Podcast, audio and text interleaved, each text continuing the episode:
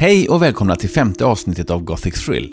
Podden som vill sätta ett magiskt, spännande, ett lite mer mörkare och alternativt Göteborg på kartan.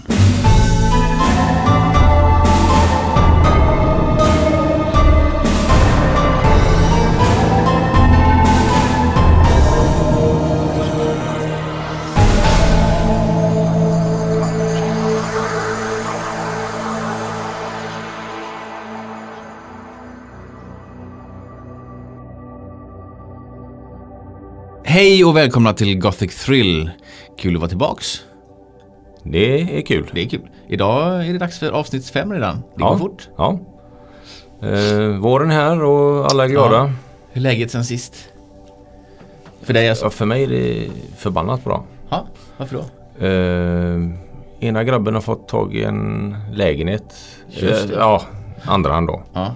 En bättre än han har nu. Och den stora grabben eh, har efter flera års uppehåll och har gett upp det hela. Plötsligt fått för sig att nu ska jag ta det förbannade körkortet. Och så åkte han upp och... Gjorde det? Med dunder och brak. Ja. Så det fanns ingenting att... Hatten av för Christian, Christian. Jakobsson. Ja, grymt. Han hämtade mig på jobbet idag. Det var lite Han kan hämta mig också. Det är bra. Man kan, han kan ju övningsköra till hem, köra hem mig på kvällar. Ja, du vet det här ska utnytttas nu ja. så länge det är kul. För jag, jag sa det 6 och 10 imorgon här då eller? Ja. Men vi får se hur det blir med det. Det är vår i alla fall kan vi säga. Det är vår. Och så har jag en liten grej till bara. Ja. Jag har avslutat Lång väg hem. En lång motherfucker till en novell som är 50 sidor. Som är det sista på den här samlingen den visste jag inte ens om. Berättelse från andra sidan stängs stängslet. Kul. Du visste inte om den? Nej. Jag den, trodde du höll på med romanen. Ja, för, men nu har jag avslutat hela den här. Nu är novellsamlingen klar. Ah. Ja, den, den är en riktigt häftig historia. Episk, galen. Ga um, som alltid då. Ja, ja, det var inget nytt. Positivt. Själv? Nej, det, själv. Vad sa du? Själv? Jo, våren är här och som du kanske hör så lider jag av en enorm allergi. Mm. Så det är tabletter och munspray på så här men utan eh, nässpray. Så vi, eh, jag låter lite tätt i näsan men jag är sol i sinnet. Ja det är huvudsaken. Ja. Men det är det när det blir för, för bra väder. Då har, Gud har ju alltid en plan B va? du din. Ja. Du, eh, vi har ju fått lite god respons från förra avsnittet. Det är kul. Det är alltid kul när vi hör av våra lyssnare. Ja, det är roligt. Vi har ju eh, sprängt 500-gränsen och är på stormsteg väg mot 1000. Tusen, ja. Men eh, jag tar på mig det att vi inte ligger på Acast och eh, eh, iPod eller iTunes än. Vi ska ju dit. Mm. Jag har haft lite mycket att göra bara men eh, jag kan garantera att eh, innan avsnitt 6 så kommer våra avsnitt ligga där. Mm. Det är bäddat väldigt mycket. Det ska bara göras. Härligt. Så vi återkommer och då kommer vi förhoppningsvis få massa lyssnare. Ja. Och vi kan upp, uppmana våra lyssnare som gillar oss att vara vår megafon, det kan vi aldrig säga för ofta. Nej. Att hjälp, hjälpa oss att sprida vårt budskap, vad det, det är må vi vara. tacksamma för. ja, såklart. Vi har fått många kul uh, respons och sådär. Framförallt kanske jag tänker på min, uh, min riktigt gamla kompis Niklas Tinander. Han är inte gammal. Men nej, en gammal kompis. Ja, ja förlåt. Han kanske blir ledsen av Niklas. Ja, nej, nej. Det är 45 år bara. Uh, sorry. Jo, han, han skrev ju um, väldigt uh, rörande fint. Han tog kanske i lite men det var Nej. väldigt snällt skrivet. Vi tar han på orden. Ja, det är klart vi gör. Man ska lyssna på den, den bra kritiken och den, den löd någonting som ja, löd... Ja, vad var det? Det var något med... Eh, den är som en, en drog och varje avsnitt är som en eh, ny, ny Pink Floyd-skiva skulle komma. Ja, det är rätt hyfsat ändå. Ja, vi kanske ska vara oroliga för Niklas. Niklas, hör av dig så vi vet att du mår bra. Mm. Ja. Du är försäkrad hoppas vi. um, Men eh, dagens ämne då? dagens poddämne är ju paranormala upplevelser. Ja. Eh, som man har haft. Mm. Jag vet att du har haft. Anled ja, anledningen är ju dels att jag har haft flera och dels att berättelsen som återkommer till senare berör det kan man säga. Ja. Men ska, ska du dra mm. några historier? Jag vet inte riktigt vad du ska prata om nu så det ska Nej. bli kul att höra för mig också. Ja.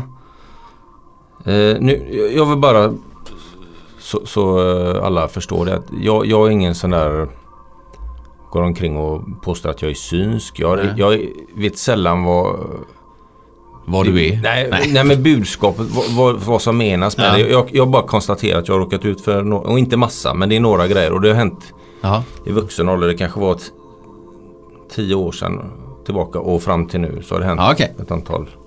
Vi är, eller jag är spetsar öronen och nyfiken på vad du har. Mm. Ja, för, första då. Den här är rätt fascinerande. Det här, jag, jag drar den ändå. Jag ja. är delvis inblandad i den och delvis inte. Jag var inte medveten om det. Men första gången som jag på något sätt hade någon paranormal ja. eh, koppling, upp, koppling ja. kan man säga. Bra. Det var när min, ja, våran farfar. Just det ja. Ernst. Mm. Han eh, befann sig ute på um, sitt landställe i en husvagn de hade ute i Hästervik. Hästervik. Utanför bara. Bortanför Torslanda. Ja, och när ni har hört berättelsen eh, balladen om Kaspar Hjort så kommer ni veta exakt var det är någonstans med. Ja. Eh, han, fick, eh, han var ensam där ute och fick en hjärtattack. Eh, han fick en senare som han tyvärr gick bort i. Men den här klarade han sig från. Men han fick en hjärtattack ja. och satte sig i bilen. Vilket man definitivt inte ska göra då. Men nu gjorde han det. Och kö skulle köra hem ja. Och köra hem. Ja, just det. Eh, ja, ett par mil eller vad det kan vara. Ja, det är säkert och, tre mil. Två och en halv. Ja, det är det nog. Ja. Det är det nog. Och han... Eh, när han satte sig bakom ratten så han var ju sådär att han höll på att nästan förlora medvetandet. Ja. Och då har han berättat för de, de undrar hur han kunde ta sig hem. Just det. Och då har han berättat eh, att han såg mitt ansikte framför bilen. Så han, eh, han följde det hela tiden. Han, såg, han kom inte ihåg någonting av bilfärden överhuvudtaget. Nej. Och såg, han bara följde mitt ansikte som liksom hängde framför bilen och visade han vägen. När huvudet svängde så svängde han bilen? Ja. Jävligt skumt. Det är lite ja, skumt. Jag har fått höra detta av våran eh, farsa då. Så jag har inte ens hört det av honom själv. Men, eh, och jag, naturligtvis har jag ingen eh, upplevelse av det. Men, men, du var med kan man säga. Ja, den är rätt konstig faktiskt. Ja, okej. Okay. Farfar kör efter ditt huvud. Okej, okay, nummer två. Nummer två. Eh, det här kanske är 15 år sedan eller någonting. Jag är med grabbarna när de var ganska små. Vi åkte upp ja. till, till Ramberget. Och det var, det var ingen eh, kuslig dag eller Nej. På något sätt. Det var sommar och som det är nu. Vår, ja. vår var det. Ja. Ljust och fint och trevligt. Men när vi kom upp dit så fick jag en fruktansvärd eh, eh Håren ställde sig ja. på armarna och jag fick sådär, jag måste härifrån här. Det är något eh, läskigt Asså. här. Ja, panik fick jag. Och jag har ingen panik, det har aldrig hänt efter. Mitt på sådär? Ja, visst. Jag tänkte, du vet ungefär som man är jagad eller ser en ja. riktigt äcklig film eller något. Jag bara kände Flygkänsla så? Flygkänsla, jag måste härifrån. Ja. Så jag fick eh, hysta in dem i bilen och åka därifrån. Och, och långt, ja, flera veckor senare åkte jag förbi där igen. Ja. Och då fick jag den känslan igen. Asså? Eh, fast jag var aldrig där uppe då. Men eh, Sen ytterligare, efter det har jag varit det flera gånger. Sen har jag inte känt något mer. Varken där eller någon annanstans. Och aldrig varit med om det innan heller. Jag vet, jag vet inte om det är en, en sägen men de påstår att det var en ättestupa där borta. Nej, nej. Du kan inte tro på allvar att Jo, jo. Där hoppar de ner vet du. Mammutar och allt. jo, tjena. ja. Mammutar. Ja, det var det som började. Visste du inte fan. det var så ja. ättestupan började. Jo, jo. Att man eh, jagade mammutar. Det var därför man byggde den där Ja, och sen så ja. fick de äldre jägarna följa med så att säga. Och sen ja, ja, ja. Och så håller det på. Och så där håller det på. Ja, nej. Eh, grej nummer tre. Tre. Jag var ute och sprang eh, när jag bodde hemma i Kärra. Och då eh, sprang jag på en lång slingrig väg. Det var nog eh, 6-7 kilometer som den vägen var. Ja. Omgiven av väldigt höga träd. Så det blir som en smal gata upp mot himlen om man säger så. Ja, just det. Och precis när jag började springa så, så hörde jag en korp uppe i himlen ovanför mig. Ja. Och jag fick bara en känsla, det här är ju bara, det här kan vara rena fantasier. Ja. Men jag, jag, fick för mig att, att det var min morfar som var där uppe. Eller du vet man kan ju få för sig ja, sådana ja, grejer. Det, jag, det var inget jag la någon större tankeverksamhet kring ändå. Men, men så började jag springa där. Och den korpjäveln följde efter mig exakt rakt ovanför ja. mig. Hela vägen. Hur långt var det? Ja, det är nog en 5-6 kilometer minst. Och, och den slingrade sig rätt bra den vägen. Och den var rakt ovanför huvudet hela tiden. Den följde med vägen. Men, Men eh, det, var det ingen, om det var, vad sa du fa- morfar? Ja. Då, Ja, då var det du. Då får man säga. Nej, Nej. så får man inte säga. Det, det var de tre minst konstiga grejerna. Jaha, kommer det konstigare? Nu kommer tre. eh, Nu kommer den kanske värsta av alla. Okej, nummer fyra. Låt höra. Eh, fortfarande när jag bor i Kärra, är på väg till jobbet på morgonen. På, eh, Volvo. Ja. Och eh, som vanligt kör jag ju inte helt lagligt kanske. Nej, Och ligger på en ja, Stora Holm för de som vet var det ligger. Den Ja. långa rakan där. Volvovägen där va? Ja. Västerleden till och med. Nej, Stora Holmsrakan. Ja, ja, ja, ja. Som Förlåt. går till Ja. Norrleden. Ja. Och mitt på den ungefär så sätter jag på eh, telefonen, mobiltelefonen bredvid Ja. mig i sätet. Och så släpper jag den och kör vidare. Och sen när telefonen går igång Ja. så står det med orangea bokstäver i displayen. Kör för fort. Va? Ja, det är göskumt. Och det står inte du kör för fort. Och det står Nej. inte med vanliga bokstäver utan kör för fort. Jag kommer ihåg så tydligt att det stod det. Ja. Så jag tänkte, vad fan? Och sen slocknade det och så gick det där startprogrammet igång då.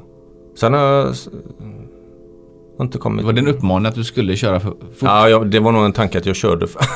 en uppmaning att jag skulle köra fortare menar du? nej men det skulle kunna vara så att kör nu. Det har man ju talat om att, att, Nej, eh, nej, men att kör- du skulle om du undvika någon olycka. Då hade det förmodligen stått kör fort. Det står kör för fort. Alltså kör för, okej. Ja. Med orangea bokstäver. Ja, det är göskumt. Jag ringde Men till precis och som med. en sån skylt som står på vägen ibland jämte. Det finns sådana, om man Ja. kör för fort, kan, fast det stod i din telefon. Ja, på displayen. Och, och jag frågade, jag, var- det är ju helt korkat att det skulle kunna stå. Men jag, jag var tvungen att ringa. Vad fan var det för... Är det möjligt att det kan...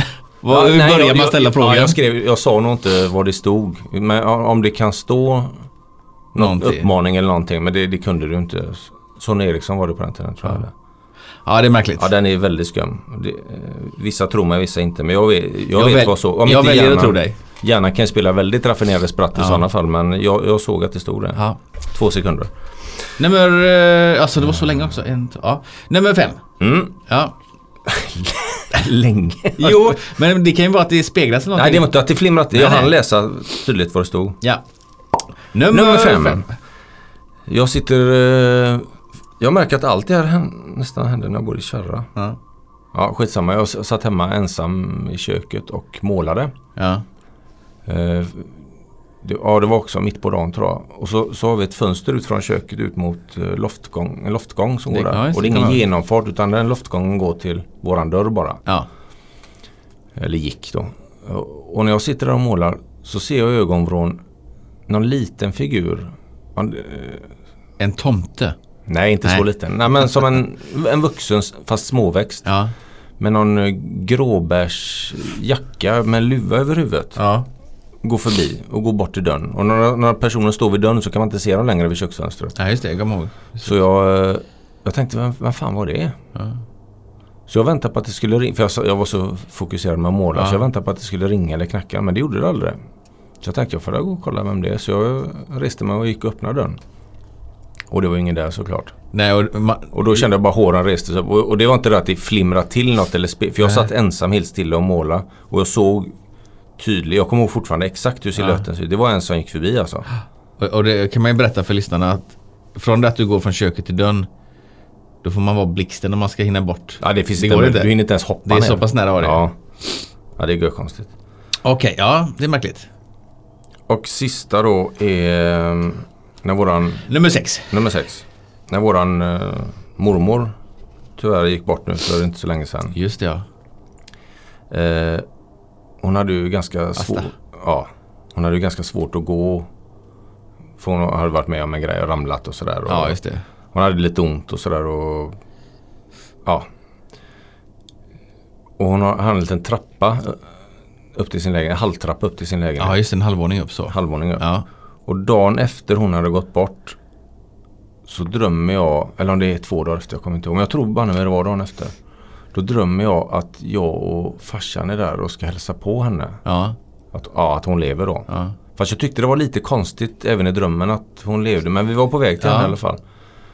Och vi öppnar dörren och då kommer hon ner för den trappan utan någon att hålla sig. Eller Man kan säga att någon, hon gick ju bara med rullator. Ja, Och väldigt dåligt. och hon haltade ner lite grann och gick ner för trappan. Men hon försökte liksom skoja och dansa ner. Hon hade Ja. aldrig klarat det på riktigt. Nej, nej, säga. nej, inte gott. Så hon liksom showade lite för oss där. Och så frågade jag henne. Jaha, kan du gå så bra nu? Ja, jag har inte ont alls längre nu, sa hon. Jaha. Den är ju ganska tydlig. Känns som ett, ett Vinkning. meddelande. meddelande, ja. Allt är bra nu. Ja, nu var, det, nu var det en dröm men det var en väldigt konstig Ja. dröm i så fall. Jag tycker vi väljer att tolka det så. Det kan vi göra. De, det var det jag jag kom på. Det. Men du ja, hade... Nej, jag hade...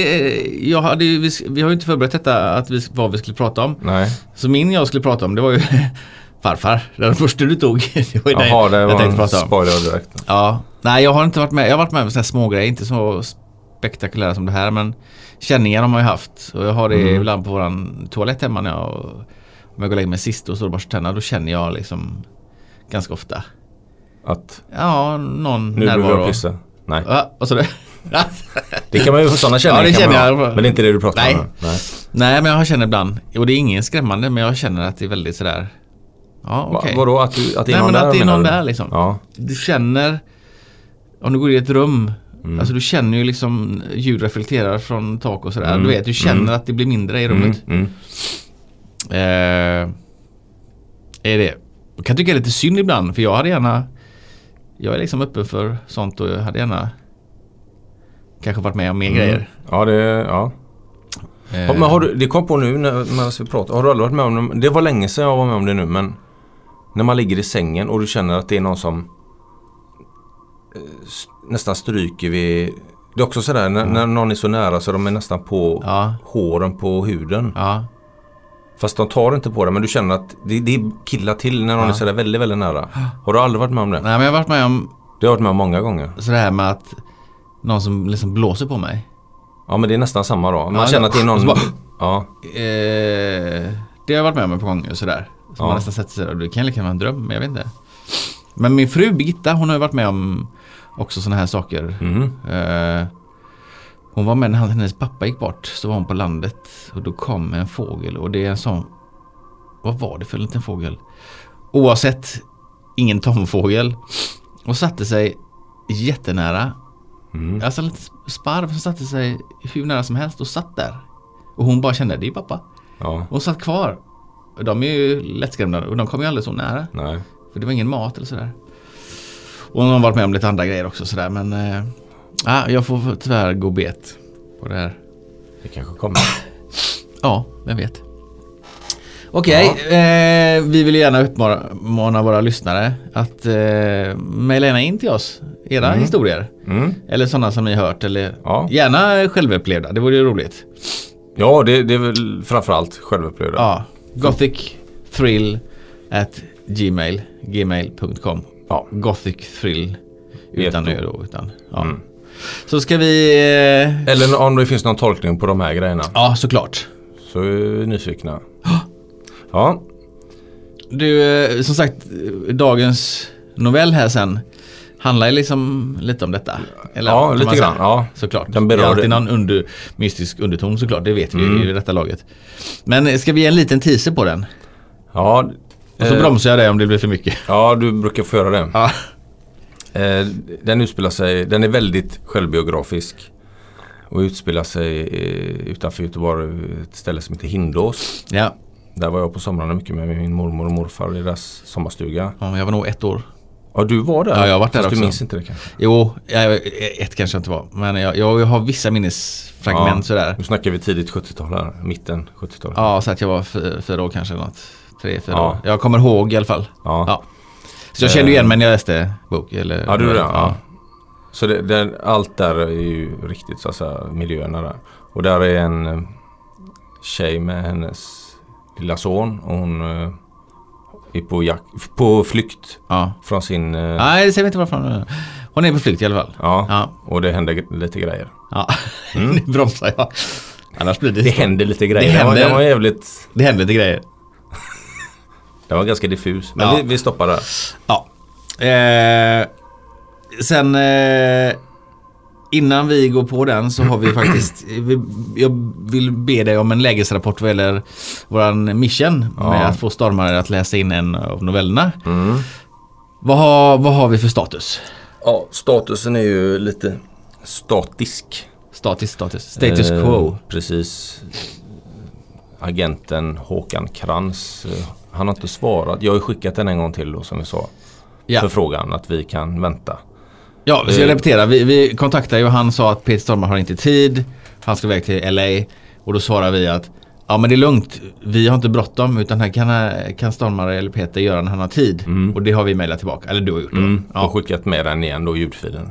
Ifall inte han hade kvar den då. ja, Eh, och där har vi inget svar. nej, Nej. jag har inte hittat något nummer till honom heller. Så jag känner... Ja, jag får väl fråga igen Ja, men, men eh, ska vi inte... Det är också en... De har ju mycket att göra såklart. Men mitt förslag är att vi faktiskt skriver lite om podden. Vad, vad, vad gör och så skickar vi med länkar till så de kan lyssna på det. Mm, det skulle Det kan göra. vara nästa steg. Ja. För de har ju inte sagt nej än. Nej, det de inte kan lika gärna vända och säga ja men då kör vi. Det är Så- det vi, det vi får vara naivt positivt inställda till Ja, detta. jo, men det är, ju, det är ju den Ja. stilen vi har där. Ja. Så eh, ja, vi får hoppas på att det har rört sig till nästa vecka. ja, eller nästa gång. Eller nästa vecka. ja, den aktuella veckan. Okej, men då, Ja. eh, då är det dags för novell snart va? Vi Mm. har ju faktiskt en, ett litet gästspel idag av en, eh, en sounddesigner kan vi säga. Mm. Nämligen, Felix Jakobsson. som är din Min yngsta grabb. Yes. Eh, han, eh, han har ju ett eh, någonting som heter Hexagon Beats. Ja, just det. Som finns på antingen soundcloud.com snedstreck hexagon beats. Ja det är bara att kolla på Soundcloud. Ja. Och även på Instagram som hexagon beats i ett ord. Ja. Det är kul att han har en konstnärlig låda också. Ja, han, han gör ju mycket eh, grejer till, eh, eller mycket, hans inriktning är ju till Ja. hiphop mycket och sådär. Själva musiken då. Tripp, pop, pip, riff, Eller- drop. Förlåt Felix, nu säger jag så. Ja. Hiphop det kanske är en sån här gubb en gubbes sätt att försöka förklara vad det är han gör. Jag kommer inte ihåg vad det heter. kanske till och med. jo men jag tror det heter något sådär. Mip-flop eller? Flip-flop. Ja. Han gör flip-flop. Ja, vi, men- vi var i alla fall här när hiphopen uppfanns. Det var inte han så vi kan säga hiphop. Exakt. Rap Attack 1983. Jo. Smaka på den då. Jodå. Men han gör ju väldigt mycket beats for Ja, det sale. Så man kan faktiskt in och köpa beats till Ja. om man är rappare. Han är grym. Ja. Det, gå kan man gå in gå och in och kolla. kolla. På Soundcloud och lyssna. Så är ni rappare eller känner någon som är det eller håller på med hiphop eller något så Ja. ja. gå in, kolla in Hexagon Beats. Så han kommer alltså göra våran eh, atmosfäriska atmosfär bakgrund Sound sounddesignen på Magic. Mushroom Tricks. in Your sleeve. tonight. Yes. Till berättelsen. Ja, Ja, som heter då Helius och den kommer, typ nu. ja. Och så hörs vi nästa gång. Mm. Gör Ha vi. det, ha det gott. Hej! Hej!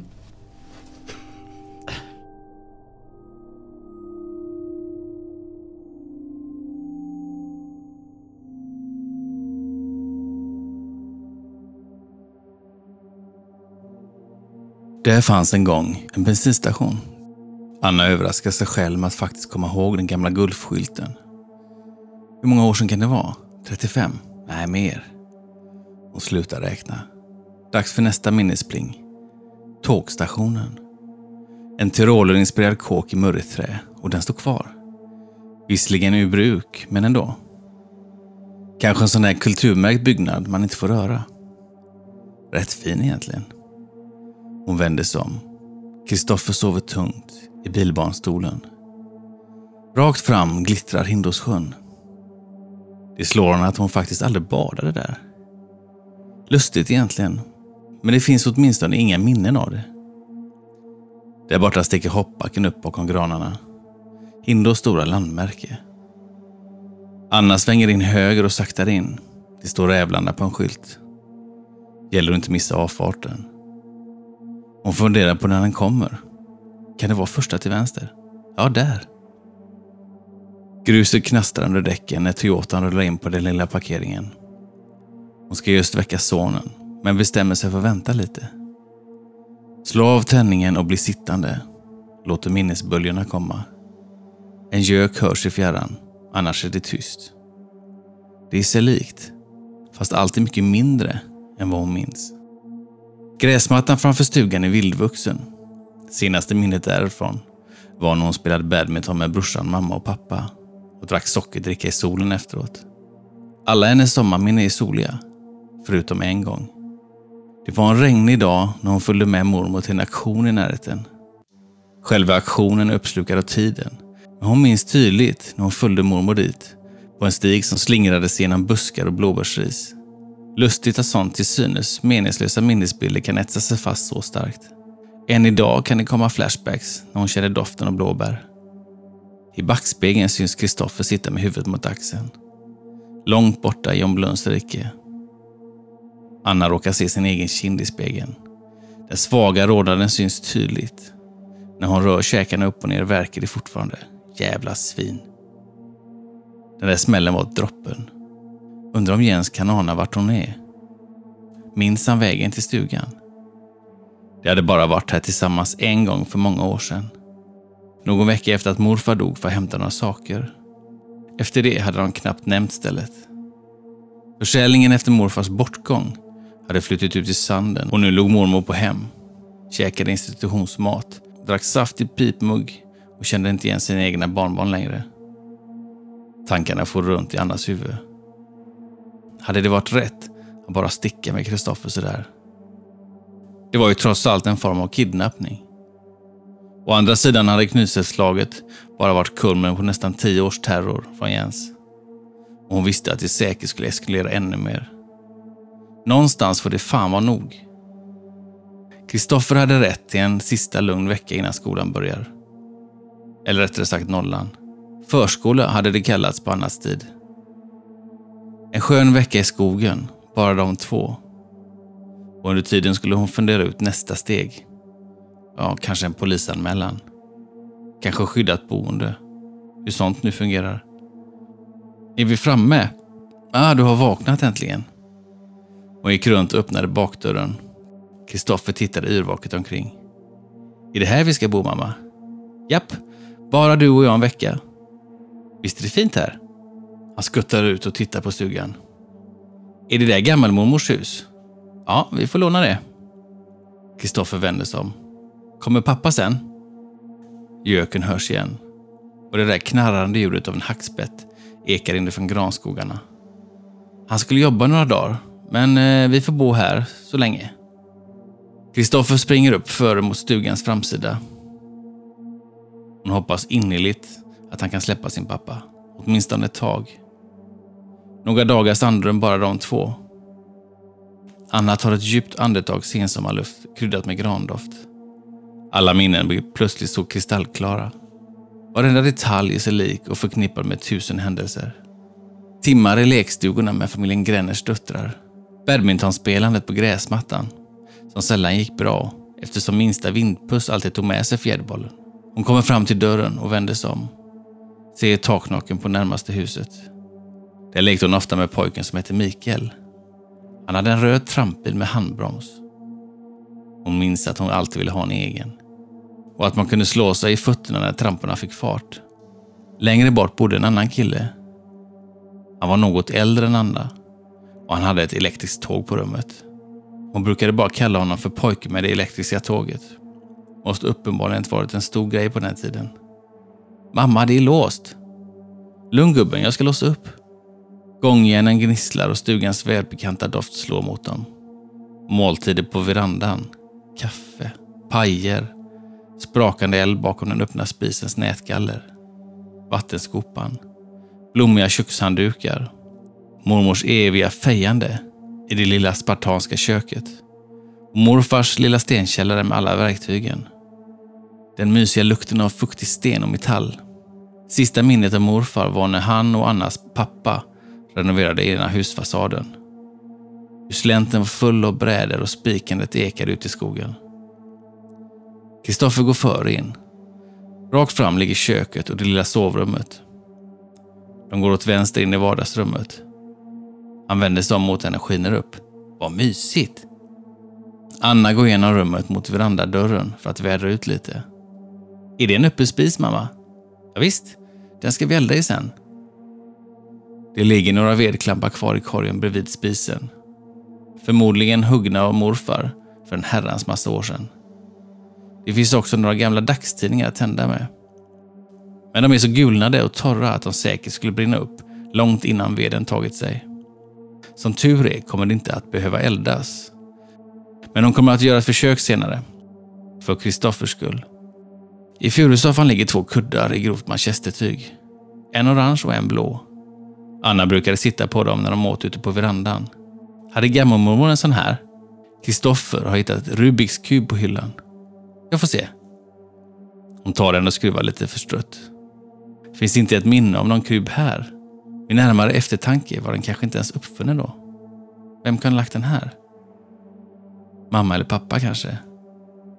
Lät konstigt. Men inte fasen var det mormors kub i alla fall. Hon lägger tillbaka den på hyllan. Gubben, vi måste hämta grejerna i bilen. Maten måste in i kylen. Tog du med svampbobsväskan, mamma? Såklart. Bär du den så tar jag resten. På väg mot bilen stannar de till vid källardörren. Anna får fram den gamla primitiva nyckeln. Och en minut senare sköljer den välbekanta fukten över dem. Är det en hemlig gång? Nej, nej, det är bara en liten källare. Wow, vad mycket verktyg. Ja, morfar hade mycket grejer här. Men nu ska jag hitta knapparna till strömmen och vattnet så vi kan bo här. Kristoffer får en bekymrad min. Ska vi flytta hit? Bara en vecka innan skolan börjar. Pappa då? Fan, där kom det igen. Han måste tyvärr jobba förstår du. Men vi kan väl ha det fint här? Han nickar. Anna vädrar och svabbar stugan. Funderar över den öppna spisen. Men det får vänta lite. Kollar då och då att Kristoffer är i närheten. Hon slås nu att han är lika gammal som hon var under sin sista sommar här. Det känns ganska absurt egentligen. Tankarna på Jens dyker upp då och då. Alltid ackompanjerad av magont. Verken efter knytnävsslaget är borta, men tankarna om framtiden plågar henne. Och om det var rätt att fly hit? Kristoffer ställer tusen frågor. Har pumpen i trädgården fungerat? Varför mormor inte bor här längre? Vilka som bor i närheten? Tack och lov inget mer om pappa, än så länge. De ägnar en lång stund bland blåbärsbuskarna precis utanför tomten. Bådas bunkar börjar bli fulla när Kristoffer tröttnar. Kan vi inte göra något annat, mamma? Du har varit jätteduktig. Jag tänkte gå in och laga en god blåbärspaj, men jag vill inte gå in. Det går ganska fort, Kristoffer. Du kan vara här ute så länge om du vill. Men lova att hålla dig på tomten då. Mm. Anna vet att sonen är en försiktig general. Ingen som rymmer iväg så fort chansen kommer. Hon tar bunkarna och går in i köket.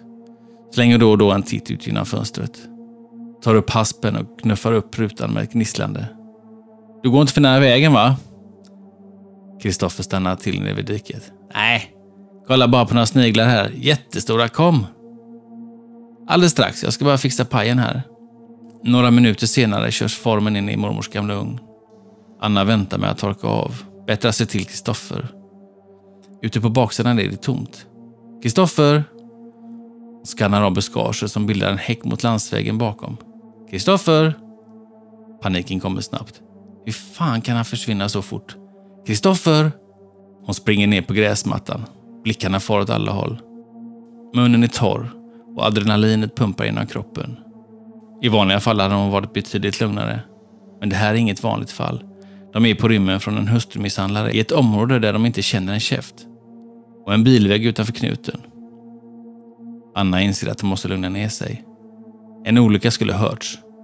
Han sitter garanterat någonstans i sin egen värld. Lugn och fin nu. Kristoffer! Så kommer han gående bakom bilen och vinkar mot henne. Här är jag! Hon rusar dit och Kristoffer ser förvånad ut när hon kramar och pussar honom. Åh, var tog du vägen vännen? Nej, jag försvann inte. Hon ställer ner honom. Pajen är snart klar, kom. Tillsammans går han tillbaka mot stugan igen. Vad gjorde du där borta då? Jag pratade med vaktgubben. Hon stannar upp. Vem är det? En snigel? Kristoffer kiknar och skratt. Nej, en gubbe såklart. Han bor här. Solen har sjunkit ner bakom granridån. Kristoffer sover i soffan i vardagsrummet.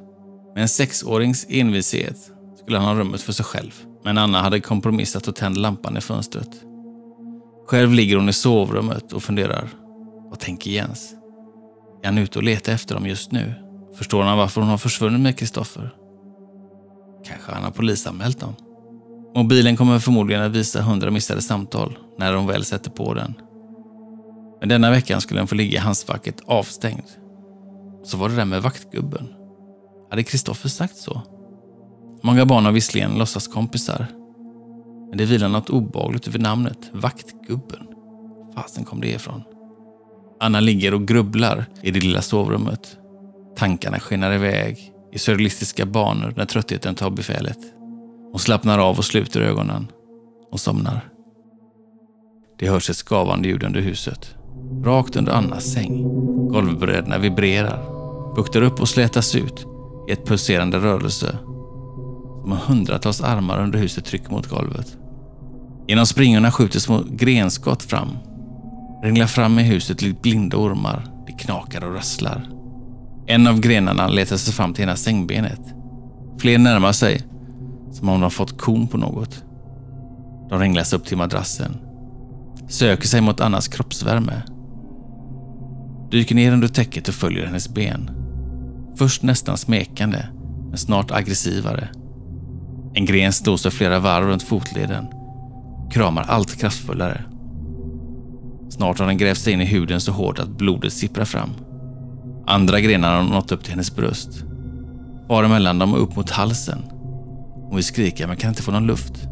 Spänstiga slanor håller på att strypa henne.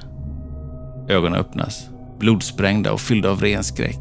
Rummet badar i ett sjukligt rött sken och golvet är en organiskt slingrande röra.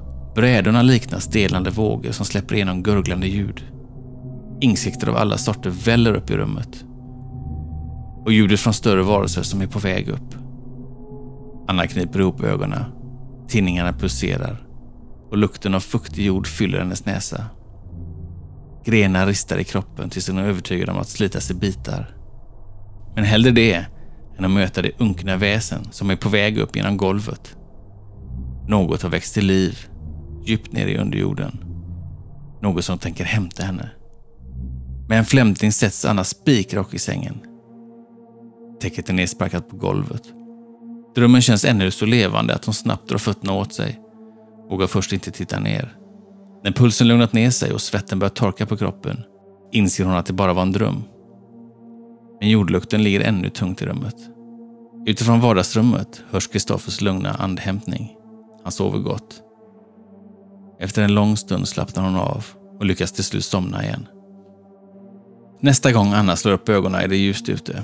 Hon slås av den totala tystnaden. Man bara möter långt ut i naturen. Klockan visar 07.32. Kristoffer sover tungt fortfarande. Minnet om mardrömmen jäckar svagt i bakhuvudet. Blir mer abstrakt för varje sekund som går. Innan hon hinner tänka mer på det hörs ett metalliskt ljud utifrån trädgården. Hon far upp och kikar ut genom fönstret. Det är en kvinna som slänger en skräppåse i soptunnan bakom bilen. Anna virar morgonrocken om sig och går ut. Luften är regnfuktig och plattorna känns kalla under hennes bara fötter. Kvinnan tittar mot henne. Anna stannar några meter ifrån och hälsar. Hej, jag trodde knappt det fanns någon granne här. Kvinnan ler, ser sympatisk ut. Långt mörkt hår med mycket gråsprängda partier. Slitna omoderna jeans och fleecetröja. Kanske 50? Ja, jag och min man kom tidigt i morse. Hon tar några steg och hälsar på Anna. Åsa. Anna, det här är min mormors stuga. Jag och min son kom igår. Är du Beas barnbarn? Men gud, är det den Anna? Anna lägger huvudet lite på sned och tittar på kvinnan som heter Åsa. Ursäkta, jag kanske borde känna igen dig? Jag bor här bakom. Vi lekte ibland här på somrarna. Ja, du kan ju inte varit mer än fyra, fem då. Ja, du har några systrar också va? Gränner? Ja visst, två stycken. Du minns till och med vårt efternamn. Jag kommer ihåg att han hade lekstugor på tomten. Åsa skrattar. Ja, det stämmer bra det. Ja, de är ju borta nu förstås. När man räknar åren inser man att man inte är direkt ung längre. Men hur är det med Bea? Hon lever inte? Jo, men hon är över 90 nu, bor på ett hem. Svårt med minnet och sånt, du vet. Ja, tråkigt. Och morfar, han gick ju bort för ett par år sedan. Åsas ögon får en sorgsen glimt. Tråkigt. Hon var så god, Bea. Men verkligen kul att träffa dig, Anna. Ska ni stanna här länge? Ja, någon vecka. Okej. Okay. Ja, vi syns säkert igen. Ha det så bra. Ha det bra du med, Åsa. Åsa börjar gå bort mot sin stuga, belägen bakom några massiva granar. Anna ropar. Bor det någon mer här just nu? Åsa stannar och vänder sig om. Jag tror faktiskt att vi är ganska ensamma i grannskapet nu. Stugan ovanför er är till salu och familjen längst bort reste till New York förra veckan. Hon funderar och ser sig om. Och huset på andra sidan vägen där är tomt sedan flera år. Ingen vaktgubbe då? Anna känner sig otroligt fånig. Ordet bara slank ur henne. Vaktgubbe? Ah, det var inget. Vi ses. Anna går in i köket och sätter på kaffet. Sedan halvtrappan ner till vardagsrummet där Kristoffer sover. Hon rufsar honom i håret. God morgon gubben. Han öppnar ögonen. Ser förvirrad ut ett ögonblick innan han minns att de befinner sig i stugan. Sovit gott? Det lyste konstigt mamma. Lyste? Du kanske drömde? Han skakar bestämt på huvudet. Det lyste i rummet, rött. Anna blir kall i kroppen. Får en vag minnesglimt från natten. En vidrig mardröm. Men minnet av den hade nästan bleknat helt nu. Det var något otäckt bekant med det där röda ljuset. Hade inte hon också sett det?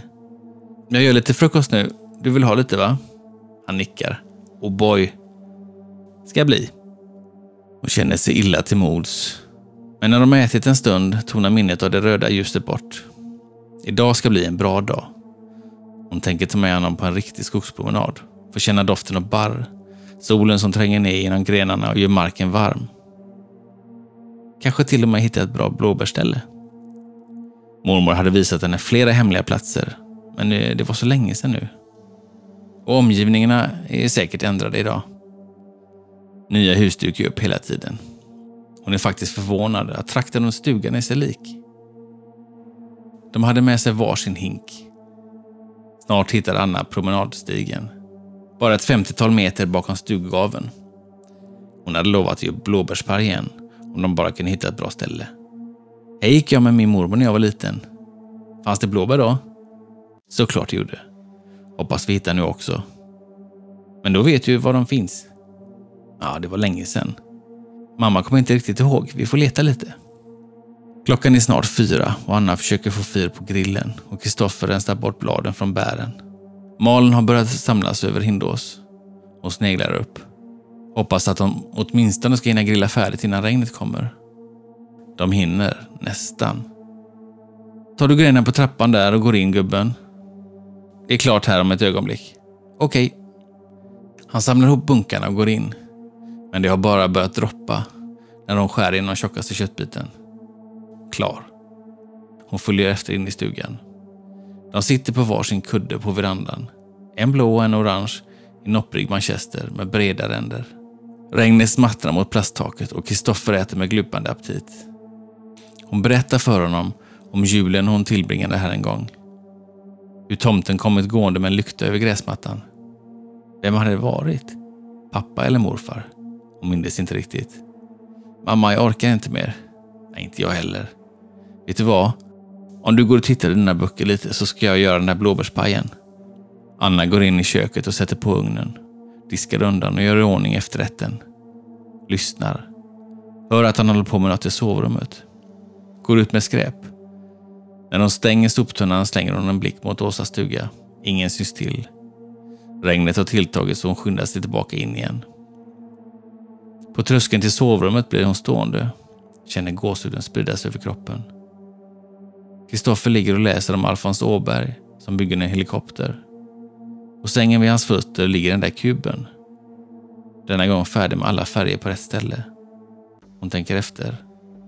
Nej, sist var den huller om buller. Kristoffer? Mm. Hon plockar upp kuben. Har du grävt med den här? Han tittar upp bakom Alfonsboken. Ja. Anna känner hur nackhåren står rakt ut. Visserligen går färgfälten att plocka av och sätta ihop rätt. Men hon minns att det var ganska pilligt.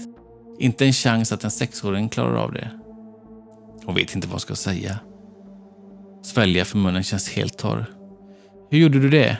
Kristoffer mumlar, försjunken i Alfons Åbergs helikopterbygge. Vaktgubben visar hur man gjorde.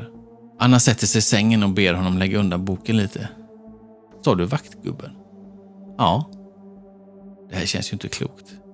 Nu måste du berätta vem den där vaktgubben är, Kristoffer. Han ser besvärad ut och vill helst återgå till boken. Han som vaktar det här stället såklart. Gubben som du pratade med i trädgården. Han nickar. Hon funderar på hur hon ska formulera sig. Har han varit här inne i huset? Kristoffer skakar på huvudet och börjar se osäker ut. Kanske rädd. Vad har du träffat honom med då? När visade han dig hur kuben fungerade? Han tänker efter en lång stund. Jag vet inte, inte här. En stark olust kommer krypande. Hon känner sig nästan förbannad.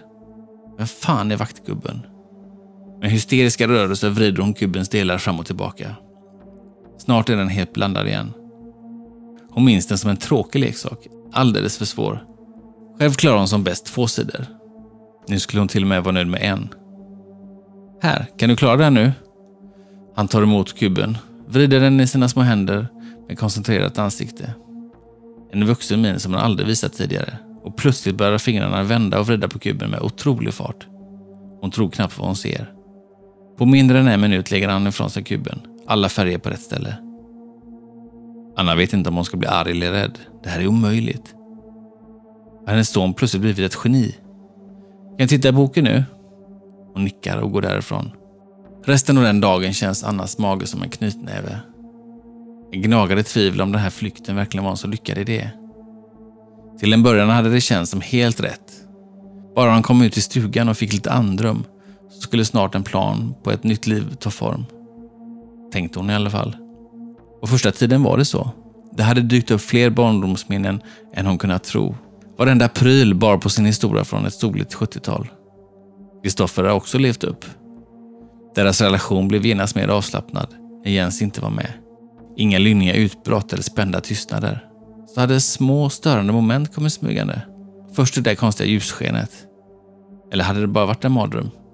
Men det som förstört allting var Kristoffers prat om den där vaktgubben. Första gången hade hon kunnat avfärda det som en sexårings fantasier. Tills gubben hade legat där i sängen. Då blev hon rädd på riktigt. Anna dricker upp det sista kaffet och går tillbaka till sovrummet. Stugan känns inte längre som en tryggad fristad. Utan någon egentlig anledning kommer tanken på att Jens befinner sig i närheten. Hur kan hon veta att han inte stryker omkring där ute just nu? Kanske skrämmas ett tag innan han bestämmer sig för att storma in och slå skiten ur henne. Kanske röva bort Kristoffer från henne. Innerst inne förstår hon att det är osannolikt. En fånig, paranoid tanke. Men möjligheten finns och det slutar inte att gnaga. Hon har bestämt sig för att behålla mobiltelefonen så länge de befinner sig här i Hindås. Men enbart som en livlina ifall något allvarligt skulle hända. Tills dess skulle den förbli avstängd. Anna vill inte veta vilka hemska meddelande den troligen innehåller vid det här laget. Och när mardrömmen är över tänker hon förstöra den och skaffa en ny. En med kontantkort. Senare den kvällen grillar en korv i den öppna spisen ett kort men välbehövligt avbrott i en flykt som alltmer övergår i något olustigt. Men efter ett par korvar började det rycka in. Skorstenen är förstås i akut behov av rensning efter alla år. Så strax efteråt har Anna släckt elden och vädrat lite. Kvällen kommer och hon lägger sig bredvid Kristoffer för att berätta sagor. Inte helt oväntat har han valt Alfons och helikoptern. Hur ofta orkar små barn höra samma sak? Hon antar att det ligger någon slags trygghet i att känna igen och förstå vad som händer. När de kommer till näst sista sidan låter något utifrån hallen. Anna släpper boken och lägger huvudet på sned. Vad är det mamma? Jag hörde något, vänta lite. Hon reser sig och skrider sakta ut mot hallen. Något hade rullat över golvet. Med uppspärrad blick söker hon av hallen, golvet, dörren. Stannar och hinner precis kväva ett skrik. Är det en kontur av någon utanför dörrens halvgenomskinliga fönster? vågar inte röra sig. Känner bara hur du ilar längs ryggen. Mamma, vad gör du? Inget, jag, jag kommer gubben. Hon tar mod till sig och hastar bort mot köksfönstret. Helt inställd på att få se en vansinnig Jens ute på trappan, gnisslandes tänder och med knutna nävar.